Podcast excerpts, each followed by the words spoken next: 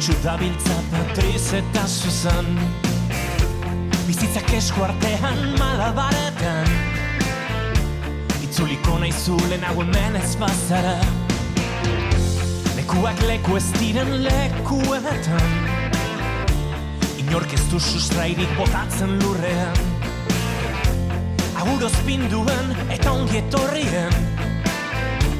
Lekuko diran leku ez diran lekuak ezin jolastuta Bazoa zurruti Egun amaigabetan Ez zara nirekin Ametxan zaindari. Lekuak leku ez diren lekuetan zara Ta inork esperantza galdua badauka. Piztu dituzte jada itxasargiak lekuak leku ez diren lekuetan zara Ta denbora mantxo igarotzen bada Laizter helduko zaigu ura berriak ¿Qué tal estáis? Os saludamos desde la Casa la Palabra. Recordamos entrevistas seleccionadas de nuestro archivo, un archivo que tiene una existencia de 24 años, incluso más. Bien, pues para empezar vamos a estar recordando a Armando Aguilarte. Mm, Vamos a mm, conocer a Armando Aguilarte porque es un curtido navegante a vela que ha cruzado el Océano Atlántico tanto ida como de vuelta y desde hace varios años tiene su velero en Luzula en el Caribe. En este velero pues navega cada temporada de isla en isla, se ha hecho tan experto marinero por esta parte del mundo que autoedita un extenso volumen con el título de Guía de Navegación por el Caribe. Es la única guía existente en castellano de este tema, un trabajo ingente de Armando Aguilarte en el que analiza uno a uno todos los países e islas de las grandes Antillas, Cuba, la Española, Puerto Rico, Jamaica, así también como las pequeñas Antillas. Armando Vilarte, que ha estado en todos los países caribeños y en el 90% de las islas, así que por supuesto conoce muy bien de lo que va a hablar y nos comentará esta guía de navegación por el Caribe. Luego estaremos hablando de montaña y además con dos históricos de la montaña, con Gregorio Ariz y Xavier Garayoa. Vamos a rememorar cómo se consiguió el primer 8000 vasco. Era el 12 de mayo de 1979 cuando se alcanzó la cima del Daulagiri de 8.172 metros. Se trataba de la expedición Navarra al Himalaya y allí fueron unos cuantos y vamos a hacer memoria de ello y nos van a recordar esas vivencias Gregorio Ariz, jefe de la expedición, Xavier Garayoa, uno de los que subió a la cumbre junto a Iñaki Aldaya, Gerardo Plaza, Jordi Pons y el Serpa An Rita. Además de esto, ya para terminar el programa de la Casa de la Palabra por esta edición, estaremos escuchando a Eva Armisen.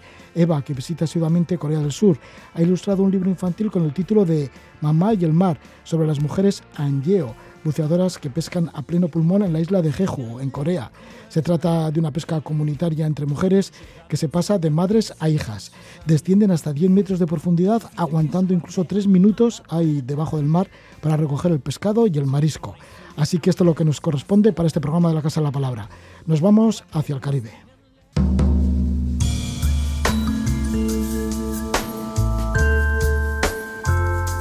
En la Casa de la Palabra, escenas marinas. A golpe de ola.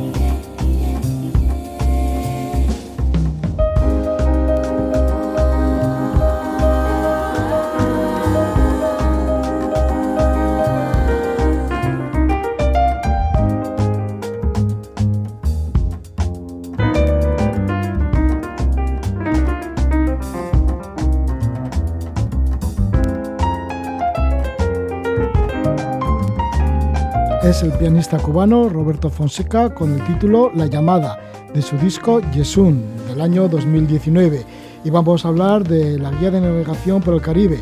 Estamos con su autor, con Armando Aguilarte, Armando Aguilarte que navega un montón por las islas del Caribe y que ya anteriormente escribió un libro con el título de Rumbo a Levante, Cruzamos el Atlántico, una travesía, la experiencia de una travesía desde, desde el Caribe hasta llegar a Laredo, porque el, el terminó en Laredo, pasando por las Islas Azores, también por Galicia. Le damos la bienvenida a nuestro invitado, es Armando Aguilarte. Armando, ¿qué tal estás? Buenas noches. Hola Roge, muy buenas, encantado de saludarte y de estar una vez más con vosotros para contaros nuestras experiencias por esos mundos de Dios. Sí, porque nos cuentas muchas experiencias de las veces que has cruzado el Atlántico y muchas veces también de las campañas que llevas por el Caribe, porque todos los años sí que haces temporada de varios meses por allí, por el Caribe, navegando en tu velero, en Luzula. Sí, efectivamente, en los últimos años nos estamos dedicando a hacer charter por el Caribe para ver si eh, podemos conseguir que la gente conozca un poco más esta zona del mundo eh, que es mm, el paraíso de los navegantes y que mucha gente dice conocer y cuando no es cierto, ¿no? Porque la verdad es que cuando eh, alguien nos llama para alquilarnos algo en el barco y le pregunto, lo primero que le pregunto es ¿conoces el Caribe? Y la respuesta más habitual es sí, perfectamente. ¿Cómo que sí? ¿Has estado muchas veces? No, he estado en la República Dominicana y en, Cuba. Y eso no tiene nada que ver con el Caribe. Es decir, es el Caribe efectivamente, pero no tiene, no tiene nada que ver con la navegación por las Antillas, que es otro mundo. Es como cuando alguien dice que, o nosotros mismos decimos que conocemos el Mediterráneo porque hemos estado en, Ibiza, en Mallorca, en Málaga y en Barcelona, ¿no? Y eso evidentemente no tiene nada que ver pues con Turquía, con la Costa Azul, con Grecia o con con cualquiera de los veintitantos países que rodean el Mediterráneo. En el Caribe es lo mismo. Aquí tenemos un gran volumen con el título de Guía Navegación por el Caribe, en el cual se recogen de primera mano 253 islas de las Antillas Mayores y las Antillas Menores. Además también están las Turcas y Caicos, que son otras islas que son recogidas en este, en este libro que tiene 373 hojas, que vienen 134 cartas náuticas y más de 400 fotografías. O sea que un trabajo bastante denso y bastante completo, porque además tiene que ser único, porque igual es la única guía en castellano, ¿no? La única guía de navegación por el Caribe. Efectivamente, es la única guía que existe en castellano y es la única guía que existe en cualquier idioma de las Antillas mayores. Es decir, los franceses y los ingleses han hecho guías de lo que son las eh, pequeñas Antillas, pero nadie ha escrito sobre las Antillas grandes. La verdad es que los sitios más bonitos para navegar son las Antillas menores, pero eh, hay que reconocer que mm, las otras Antillas también tienen zonas muy bonitas y un país que casi nadie conoce, que es Turcas y Caicos, que está al norte de, mm, de Cuba, eh, es un sitio absolutamente paradisíaco y que hacía falta que alguien lo escribiese. Seguramente esta guía nunca será rentable, pues porque no hay un colectivo de gente suficiente como para que pueda estar interesado en navegar por allí, pero yo creo que esto, mm, este trabajo quedará para siempre, eh, yo creo que es un trabajo muy importante. Se recogen las Antillas menores, bueno, podríamos decir nombres como Anguila, Antigua, Barbuda, Aruba, más Barbados, Bonaire, y luego están las grandes Antillas, que son Cuba, está la Española, dividida en República Dominicana y Haití, y también en Jamaica. Y todo esto lo has navegado. Sí, llevo eh, pues 10 años navegando 4 o 5 meses al año eh, bueno, pues me ha dado tiempo de ver todas las islas y aunque parezca mentira, cada año que vamos encuentro algún rincón nuevo en alguna de las islas que no conocía y que realmente merece la pena conocer. La, diferencia que hay entre mm, navegar por el Caribe o navegar por las Baleares, por ejemplo, mm, nadie va a decir que Formentera o Ibiza son más feas que algunas de estas islas, ¿no?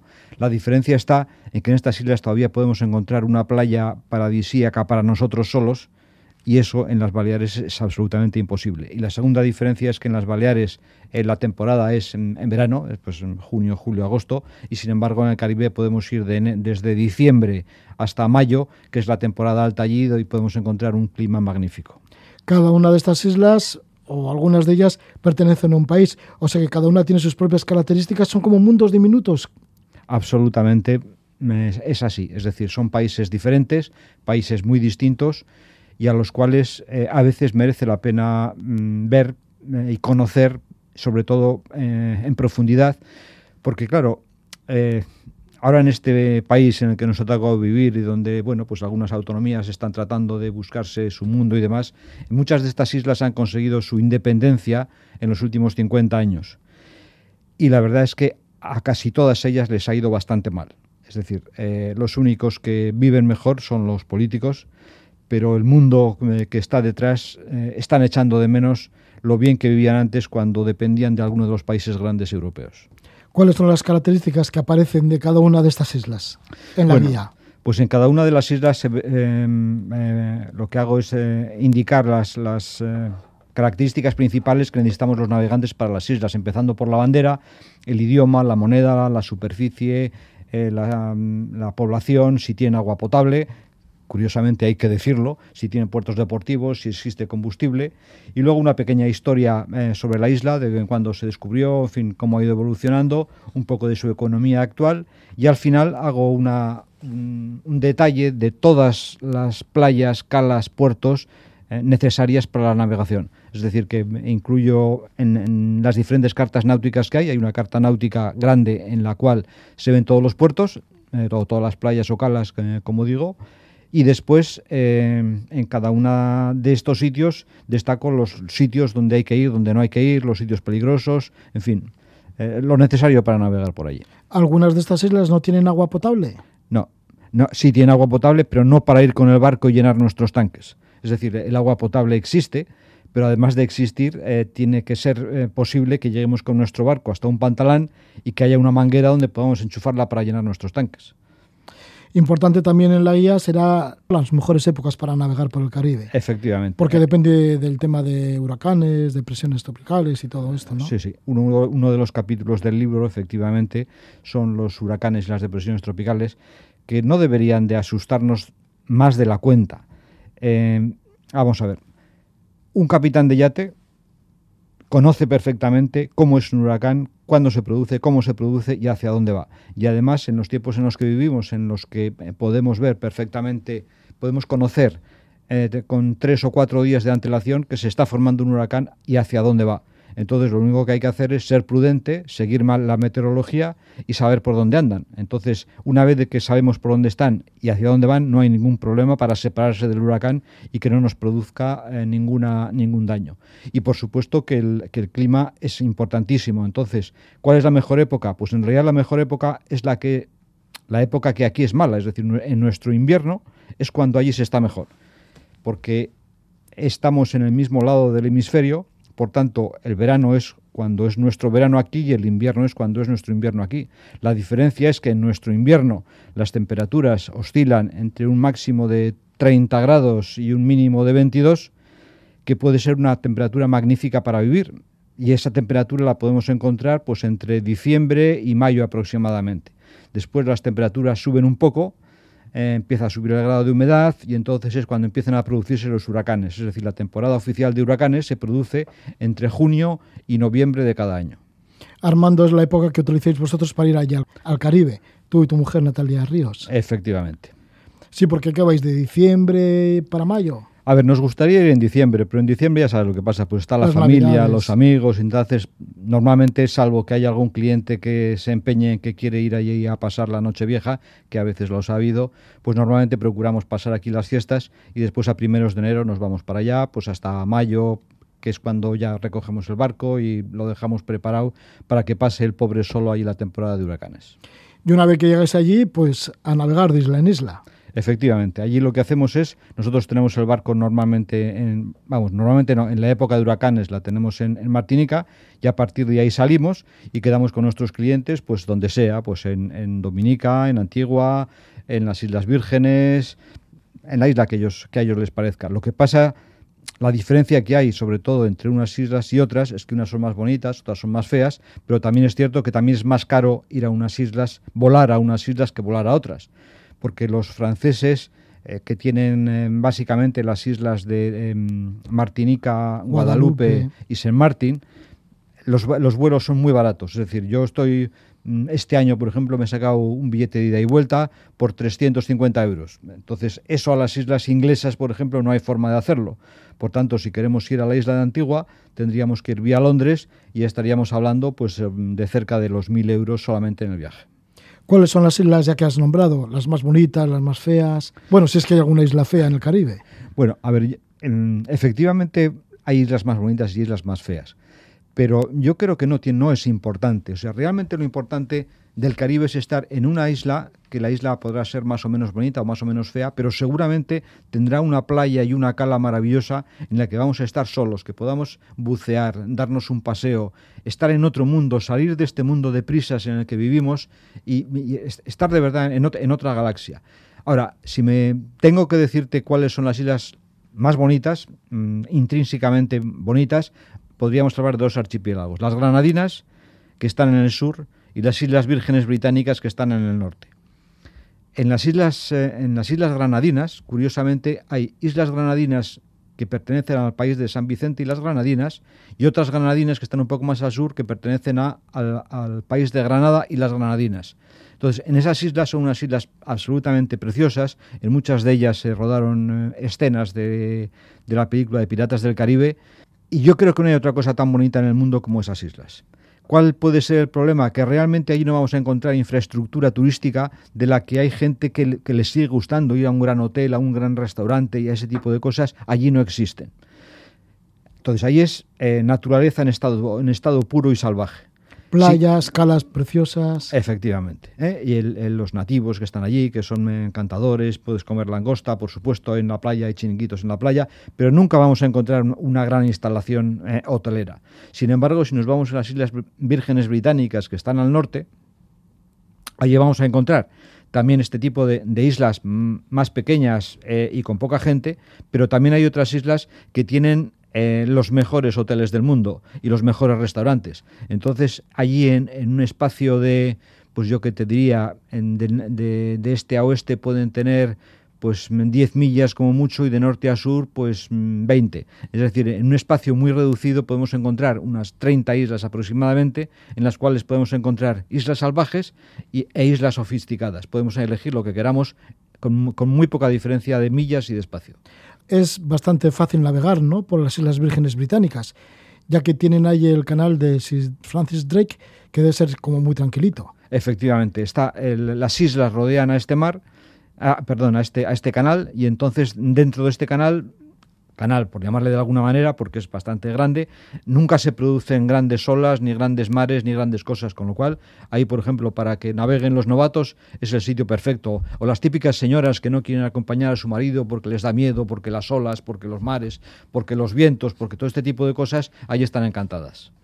Uno de los apartados dentro de esta guía, estamos con Armando Aguilarte, autor de Guía de Navegación por el Caribe, es actividades en un velero. ¿Cuáles son estas actividades? ¿Cuáles pueden ser algunas de ellas? Bueno, efectivamente, un velero es una forma de viajar diferente, absolutamente diferente a lo que la gente está acostumbrada. Muchas veces cuando alguien nos llama y está tratando de planificar un viaje y me dice, vamos a ver, yo Armando me gustaría que me dijeses eh, cuál va a ser eh, nuestra actividad de cada día, los sitios donde vamos, donde vamos a estar cada día.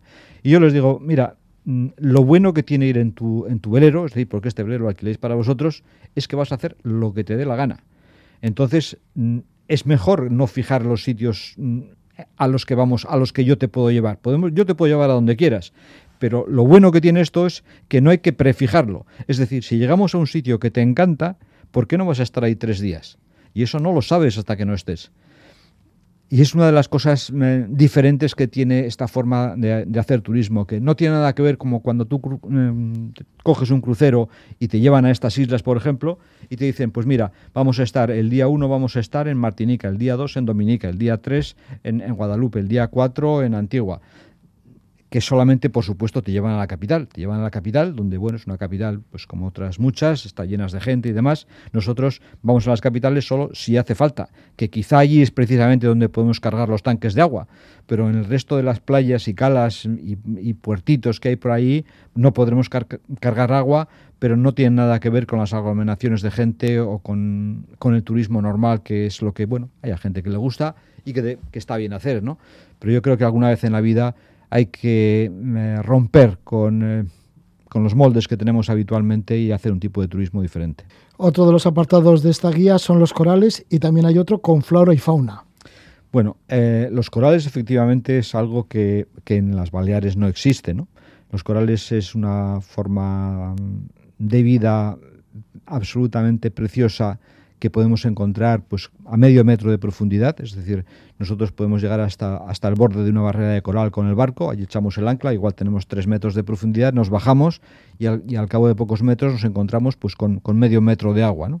que es un sitio donde los barcos efectivamente pueden estrellarse contra ellos, ¿no? pero desde el punto de vista del buceo, te metes allí, cualquier persona que no tenga ni la más mínima experiencia se pone unas simples gafas de bucear con un tubo y va a ver allí una, una vida y unas, unos paisajes absolutamente insospechados, eh, como los que se ven en la, en la película de Nemo, por ejemplo, ¿no? Con peces de todos los colores. mm, Bueno, es, es, una, es una maravilla.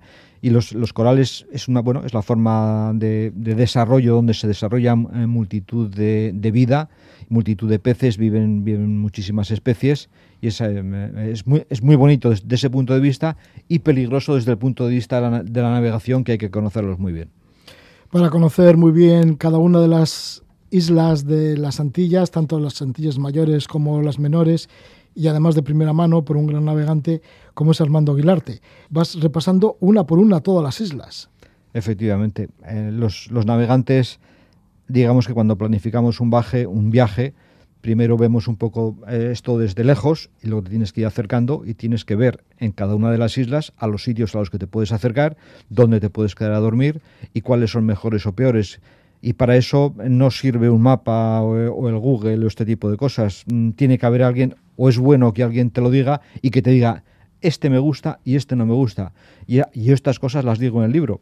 Quizá alguien eh, no esté de acuerdo conmigo, pero yo digo lo que me gusta y lo que no me gusta. Armando Aguilarte, autor de esta guía Navegación por el Caribe, que conoció esta parte del mundo, el Caribe, allá por el año 1984, cuando se fue a trabajar a Venezuela, a Caracas. Allí te compraste tu primer velero, luego cruzaste por primera vez el Atlántico en el año 2005, adquiriste tu actual velero, el Luzula, allá por el año 2008 en una de las islas, en San Martín, y vas al Caribe todas las temporadas desde el año 2008. Ahora mismo el Luzula se encuentra en Martinica, esperando a que volváis de nuevo para allí. Y mientras tanto, pues está este libro, Guía de Navegación por el Caribe, ya hemos dicho 373 páginas, con muchísimas fotografías. ¿En dónde se puede adquirir? En la librería Ízaro, en Bilbao, como siempre, estos, estos temas náuticos siempre están en la librería Ízaro, disponibles para todo el mundo. ¿Tienes algún contacto? También el que quiera acudir bueno, a vuestro velero. Eh, sí, nuestra página web es www.bato.es. Bato escrito en español, B-A-T-O, no, no en francés www.bato.es.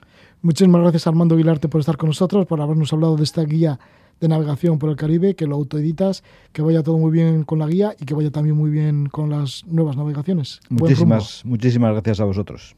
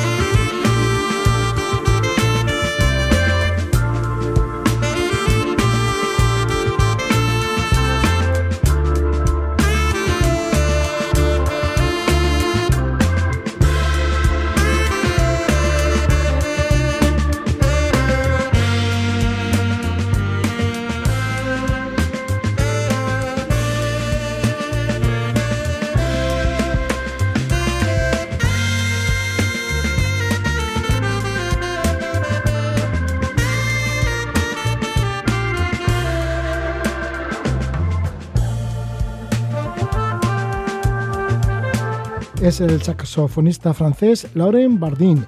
Vamos a hablar de una expedición que ha hecho historia, la expedición Navarra al Dalaguiri en el año 1979. Vamos a recordar cómo se consiguió el primer 8000 vasco. Era el 12 de mayo de 1979 cuando se alcanzó la cima del Dalaguiri de 8172 metros. Se trataba de la expedición Navarra al Himalaya. Hacen memoria de ello después que han pasado 40 años de esta expedición al Dalaguiri, bueno, pues hacen memoria Gregorio Ariz, jefe de la expedición, y Xavier Garayoa, uno de los que subió a la cumbre junto a Iñaki Aldaya, Gerardo Plaza, Jordi Pons y el SEPA An Rita. Le damos la bienvenida a Gregorio Ariz. Gabón, buenas noches, Gregorio. Buenas noches. Xavier Garayoa, Gabón, buenas noches. Buenas noches, Gabón. Mm. ¿Qué expediciones precedían al Dalagiri? Porque tanto Xavier como Gregorio sí que habíais hecho algunas de estas expediciones que por aquel entonces eran como, vamos, más que fantásticas, como iros hacia Afganistán a subir una montaña de 7.000 metros.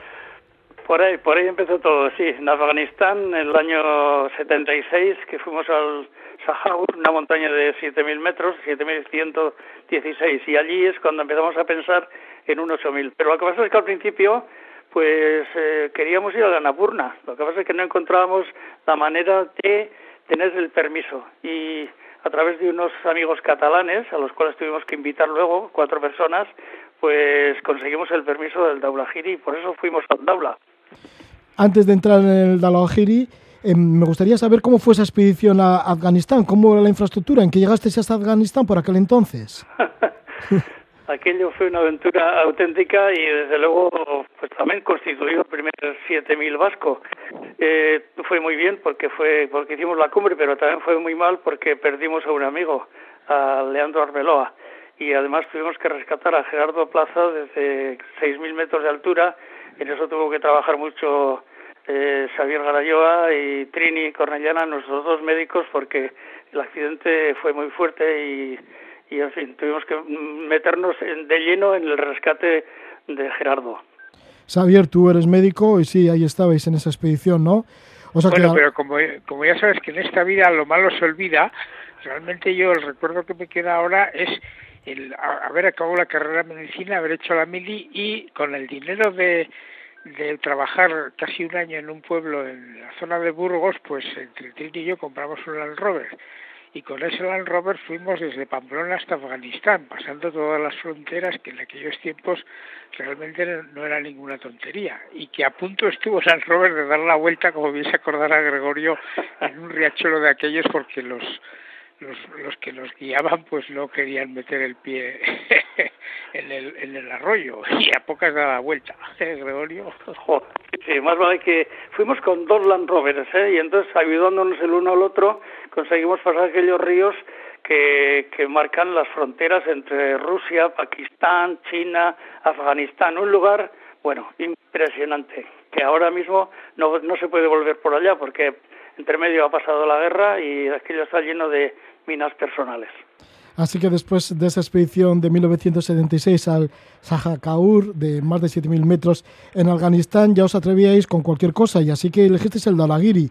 Pero resulta que el Dalagiri es una montaña muy complicada, tanto entonces como inclusive hasta ahora, porque no ha habido demasiadas ascensiones, comparada con otros, con otros 8.000.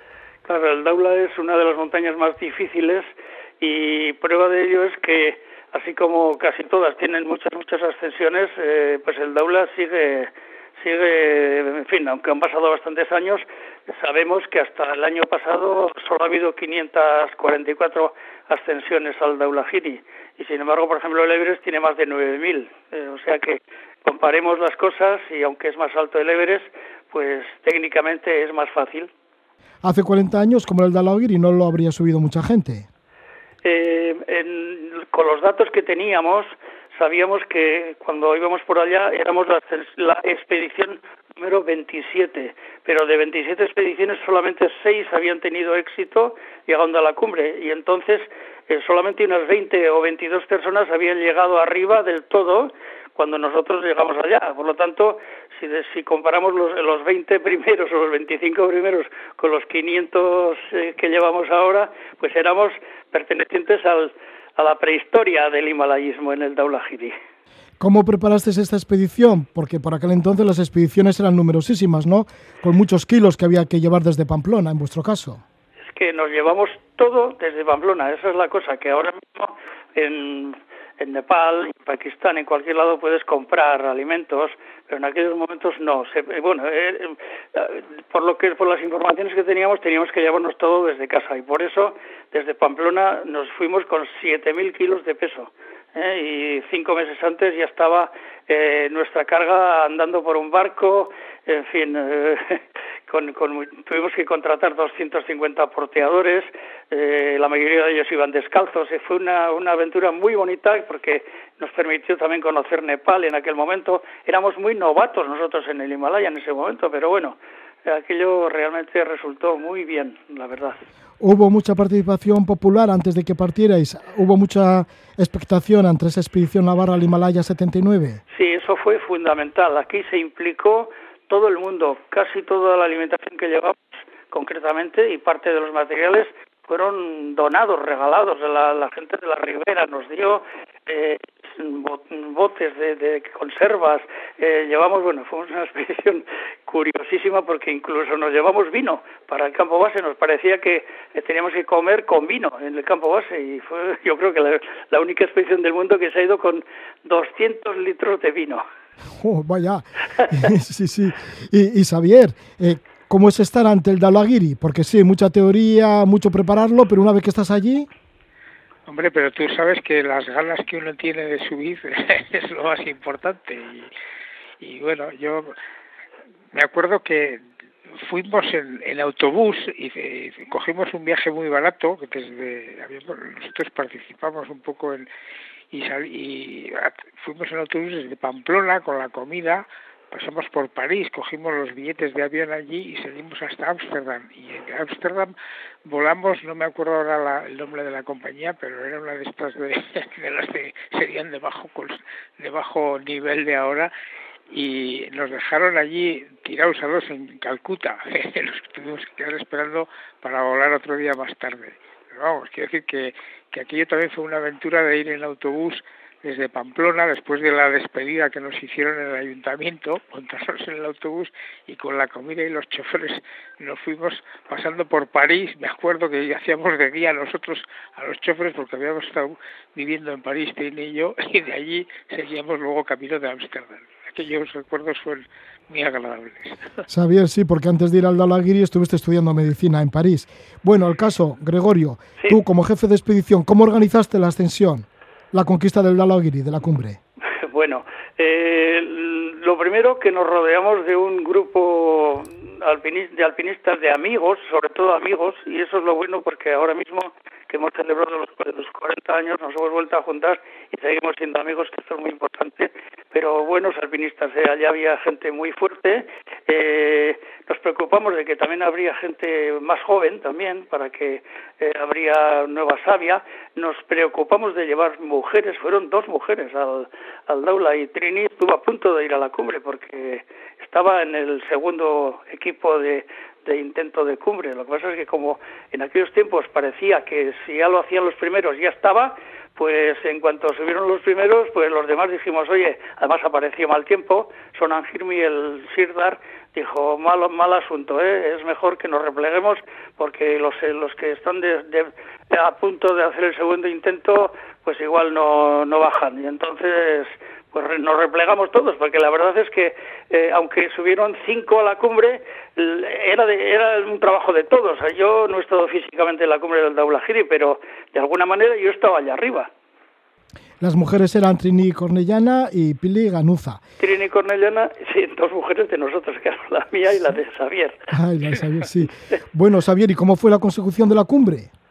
Bueno, pues eh, era la, la víspera, llegamos allí al último campamento había un aire que te tiraba todo hasta tal punto que se nos voló una tienda de campaña y no pudimos montar y luego tuvimos que estar hacinados en dos tiendas de campaña, eh, la nieve y tal. Pero el hecho es que después de aquel viento, pues paró y eh, para la una o las dos de la madrugada, no recuerdo qué hora, ahí así está quieto.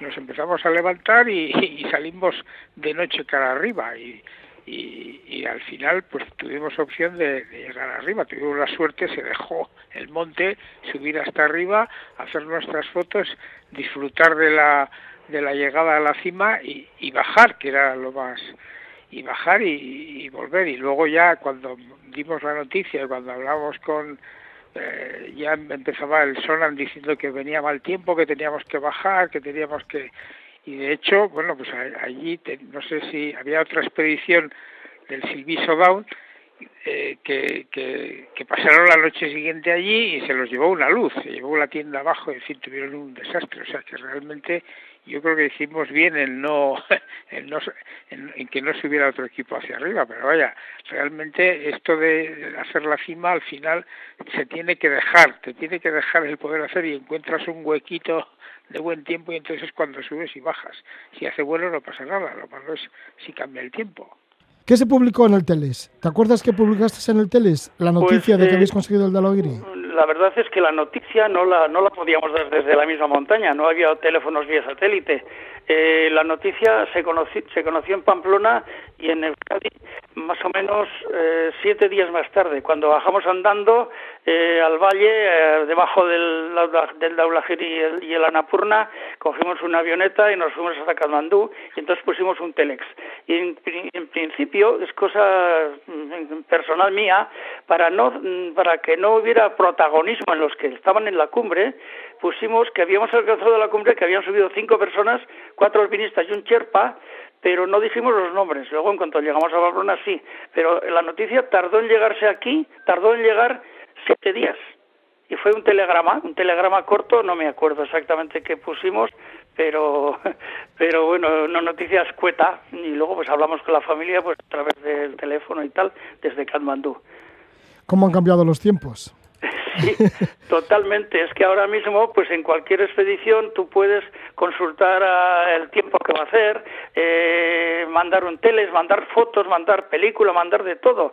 Entonces había que hacerlo todo allí y no y guardártelo y no sabías si las fotos que había sacado iban a estar bien o estar o estar mal y aquello era irrepetible ya no puedes volver otra otra vez arriba a sacar las mismas fotos no la verdad es que tiramos bien las cámaras y luego pudimos publicar un libro muy bueno eh, la película que se filmó de 16 milímetros que ahora más o menos la hemos conseguido digitalizar y ahora la podemos ver tranquilamente pues en cualquier pantalla pues ahí está esa fecha, la expedición navarra al Himalaya 1979, la consecución de la cumbre del Dalagiri.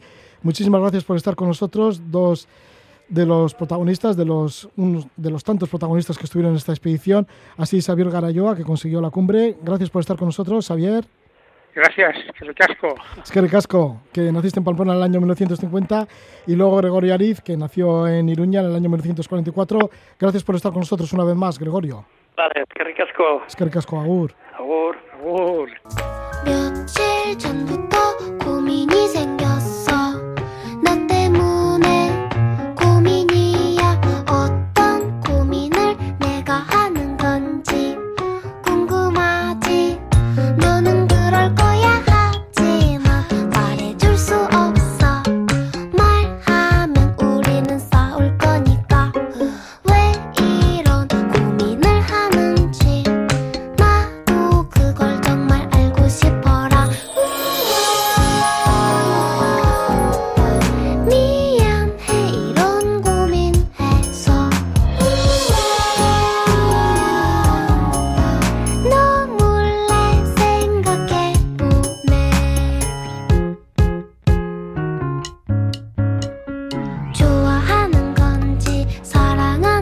Cantante de Corea del Sur, Lee Jin-ha, y nos vamos a acercar al mar de Jeju, en Corea del Sur. Lo hacemos a través de un cuento que es infantil, pero bueno, que tiene por detrás mucha historia, mucho pensamiento mucha reflexión. Lleva el título de Mamá y el mar. La autora es la coreana Henju Ko y las ilustraciones es de Eva Armisen. Eva Armisen es pintora, estudió Bellas Artes en la Universidad de Barcelona, completó su formación en Ámsterdam es un artista con proyección internacional, trabaja mucho en Asia, en Corea del Sur, en Hong Kong, en Singapur, también trabaja en Estados Unidos, en Portugal. En una estancia en Shanghái leyó por primera vez sobre las Hanyeo, buceadoras que eran consideradas como sirenas en el mar de Jeju, en Corea del Sur. Hanyeo, que es una palabra coreana que significa literalmente mujeres del mar. En 2016 la UNESCO las declaró Patrimonio Cultural Inmaterial de la Humanidad. Vamos a hablar de estas mujeres buceadoras y así le tenemos a través del teléfono a Eva Armisen. Buenas noches, Eva. Hola, buenas noches. Eva, bueno, pues sí, que son unas mujeres que tienen que llamar muchísimo la atención. A ti sí que te lo llamaron, ¿no? Cuando listes un artículo cuando te encontrabas en Shanghái. Sí, sí, yo la primera vez que... Yo ya llevaba años trabajando en Corea, pero nunca había oído hablar de ellas. Y estaba, estaba en China, en Shanghái, y vi una revista en el hotel y vi las fotos de estas mujeres y me atraparon desde el primer momento.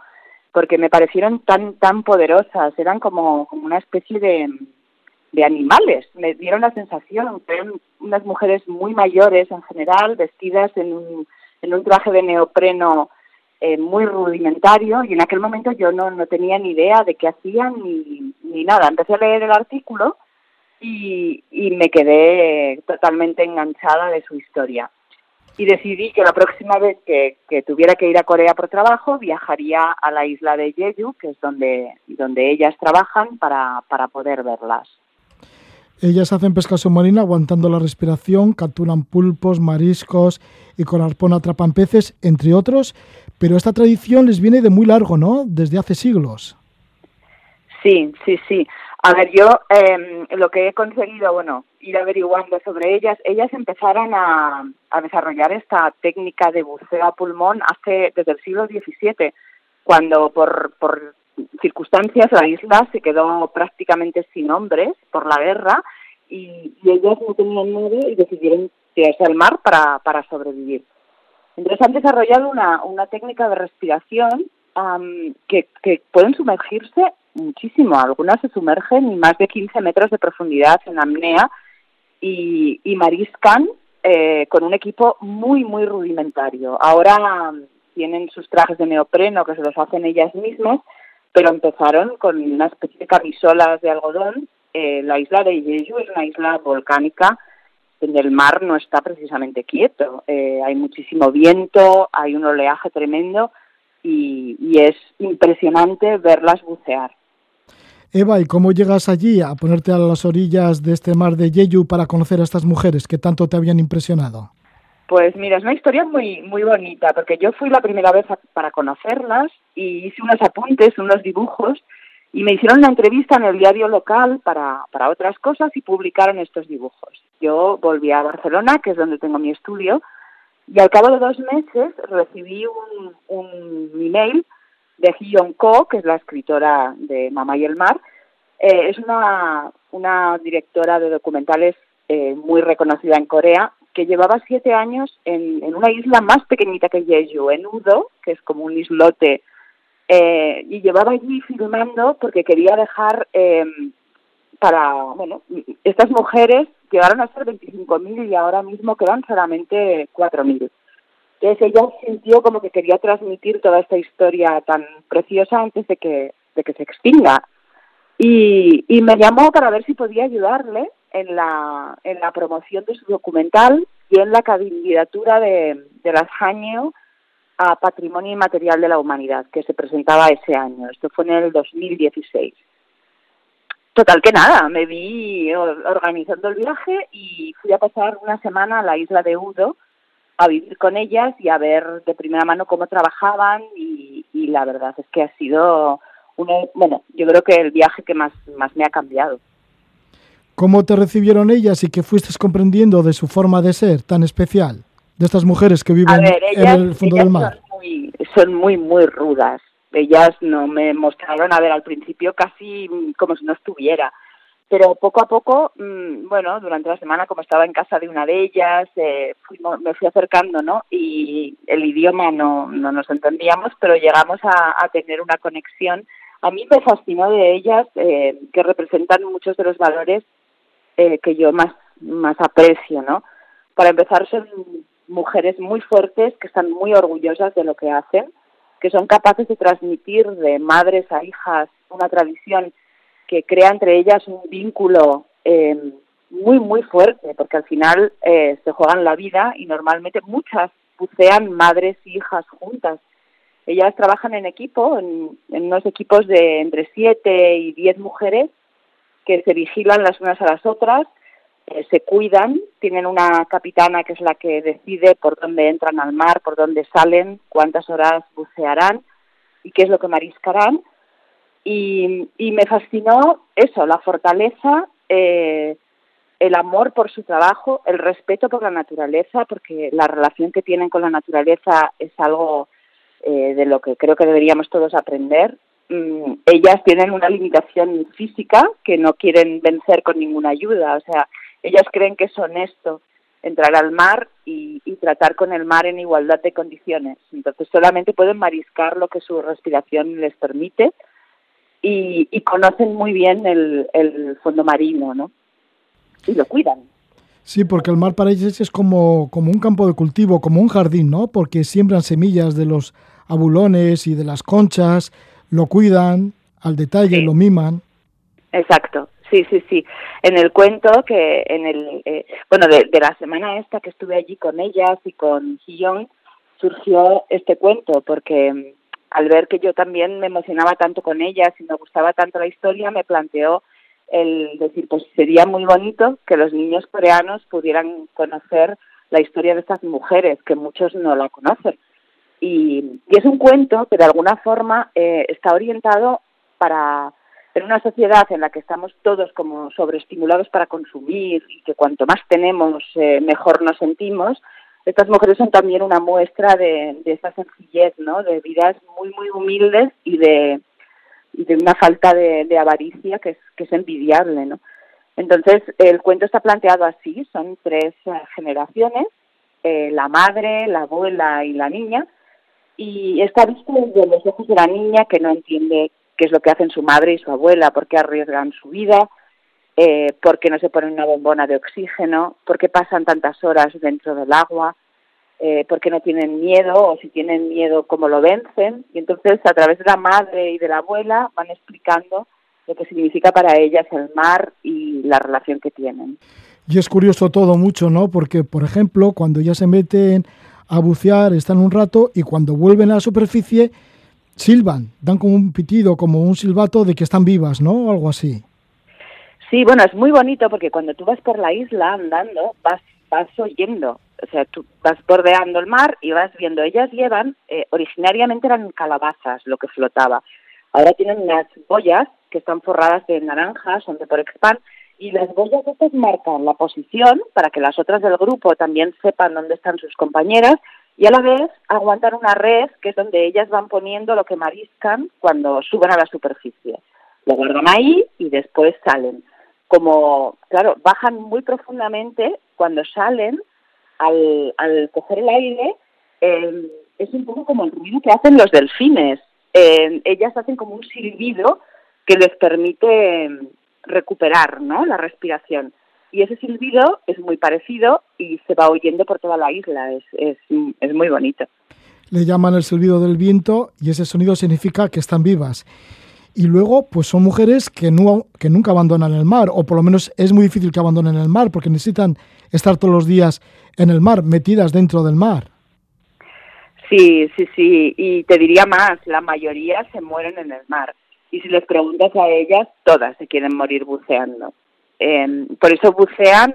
Yo cuando estuve con ellas llegué a ver a mujeres de 90 años buceando, que para ponerse el traje era como un poema, porque las veías todas agachaditas y que no, no había manera de meterse el neopreno aquel que es tan difícil de ponerse, pero una vez se metían en el agua es, es su elemento. Ellas no, no conocen no conocen otra cosa y no aguantan lejos del mar, no pueden. Pues ahí está esa unión estrechísima entre estas mujeres de Corea del Sur y el mar. Y para comprenderlo está este cuento que lleva el título de Mamá y el mar. La autora es la coreana Hae-Jun Ko, que también hace documentales, y la ilustradora Eva Armisen. Eva Armisen, que tiene mucha relación con Corea del Sur y otros países de Asia. Y estas mujeres, estas mujeres que bucean, pues te han dejado una huella indeleble que te ha cambiado para siempre. Sí, la verdad es que las tengo muy, muy presentes. Y yo también quería eh, dar valor a la adaptación que la ha hecho Santi Balmes, porque no era fácil. O sea, el, el idioma coreano realmente no, no, es fácil. Tuvimos que tras, eh, lo tradujeron al inglés, porque este libro en Corea va por la quinceava edición y, y, se ha traducido al inglés también y ahora se ha podido traducir al, al español y al, y al catalán gracias a la principal de los libros, que es la editorial, y gracias a Santi Balmes que ha hecho esta adaptación que creo que está, está muy bien hecha y, explica la historia muy fielmente eh, como, como Gillón lo hacía, ¿no? Lo ha hecho. El libro Mamá y el mar lo edita principal de los libros. Muchísimas gracias a Eva Armisen por hablarnos de los jañeo, de estas mujeres que se dedican a bucear ya desde el siglo XVII, a bucear con pulmón y que no quieren pasar a la bombona de oxígeno ni nada porque quieren respetar el mar y vivir a la par con el mar y con los animales con los que, con los que suelen convivir. Que vaya todo bien, Eva, Eva Armisen, y gracias por esta historia tan bonita. Muchas gracias a vosotros. Buenas noches.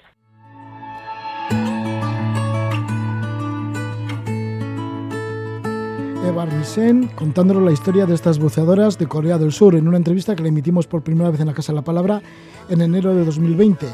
Además, la entrevista que hicimos a Gregorio y Isabel Garayoa sobre la expedición Navarra al en el año 1979 se emitió en septiembre de 2019. Y finalmente, pues eh, con lo que hemos empezado ha sido con Armando Aguilarte y su guía de navegación por el Caribe, una entrevista que la emitimos en la Casa de la Palabra en diciembre de 2019. Nos despedimos, lo hacemos con la música del trío de Suecia Angar Nord que recuerda mucho las armonías vocales de Crosby, Steel and Nash. Que disfrutéis.